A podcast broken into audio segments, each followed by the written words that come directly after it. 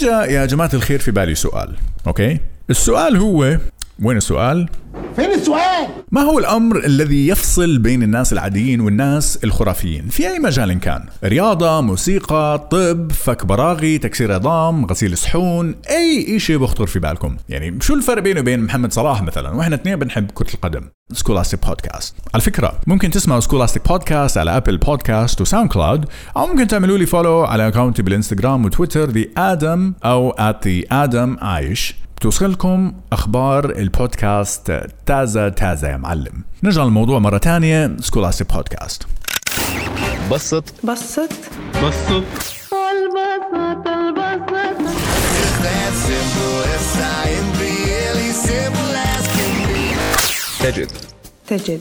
تجد.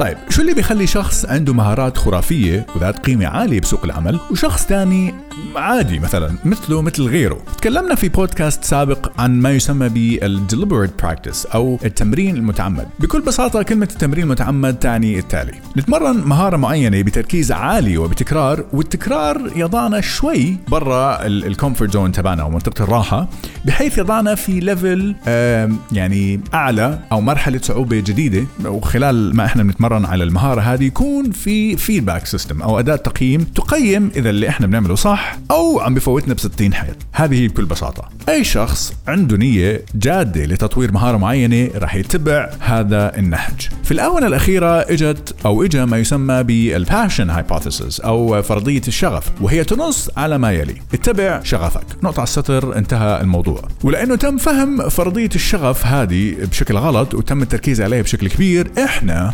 الناس فهمنا الموضوع غلط فركزنا على ال passion ونسينا ال practice يعني مثلا إذا هي أنا يا باي محلاني أنا ومحمد صلاح مثلا نرجع لموضوع محمد صلاح. هي إحنا اثنين بنحب كرة القدم. بس صلاح مثلا بيلعب ليفربول وأنا كنت أدخل فريق الحارة بال بالواسطة.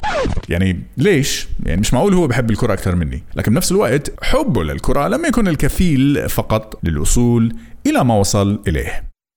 I would follow my passion. I mean, whatever turns you on. Passion is a result. Passion is an energy. Um.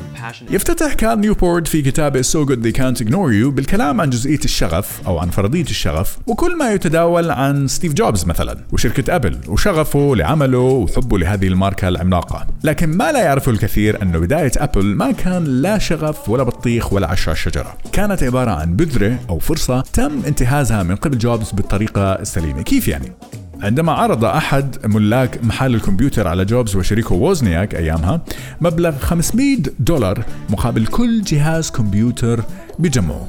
من هون بدأ جوبز يستثمر جهوده بشكل أكبر في هذه الفرصة إلى أن تبلورت بشكل تدريجي رؤية بناء الشركة اللي نراها الآن. الشاهد في الموضوع يقول نيوبورت في الكتاب أنه مفهوم السعادة المهنية لدى الكثير هو التالي. يقول بين هلالين مفتاح السعادة المهنية هو معرفة أولا الشغف ثم العثور على وظيفة تتوافق مع هذا الشغف. وفرضية الشغف هذه أو ال passion hypothesis هي من أكثر المواضيع المبتذلة في المجتمع الأمريكي.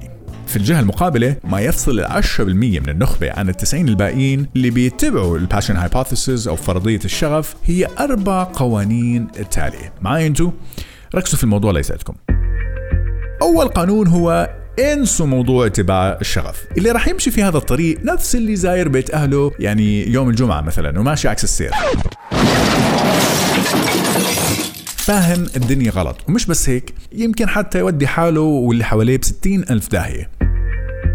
وبسبب هذه النصيحة الناقصة وهو اتباع ال passion hypothesis أو فرضية الشغف عادي واحد شغلته مثلا محاسب آه، يدرس آه، شهرين لشهادة تدريب شخصي ويصير اسمه مدرب مثلا والله أنا ليش؟ لأنه بحب التدريب والرياضة بس هل راح يصير من العشرة بالمية النخبة بهذه الحالة؟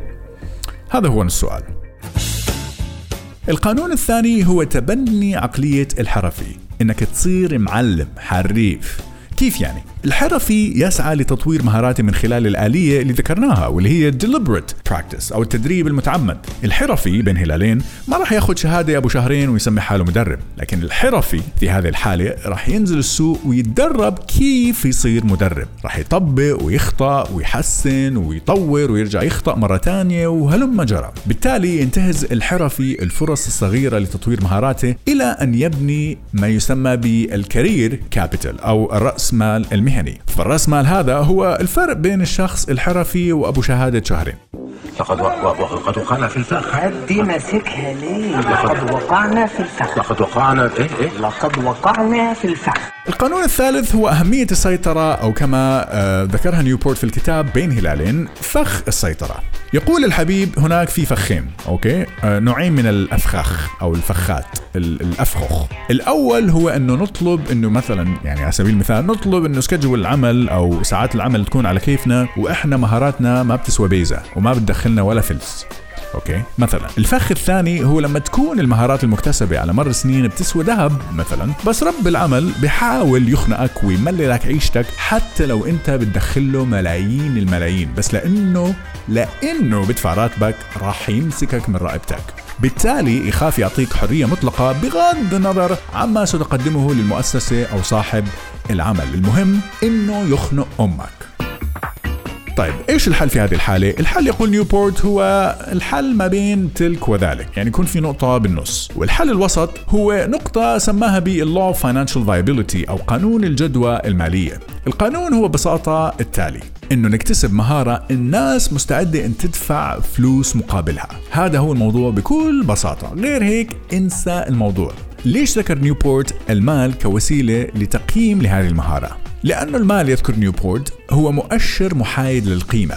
إذا السؤال اللي بيطرح نفسه متى يكون لك الأحقية بالسيطرة أو بالسعي للسيطرة على ساعات عملك مثلا أو على معطيات عملك؟ لما يكون عندك مهارات لها قيمة عالية في السوق والناس مستعدة أنها تدفع فلوس مقابل هذه المهارة.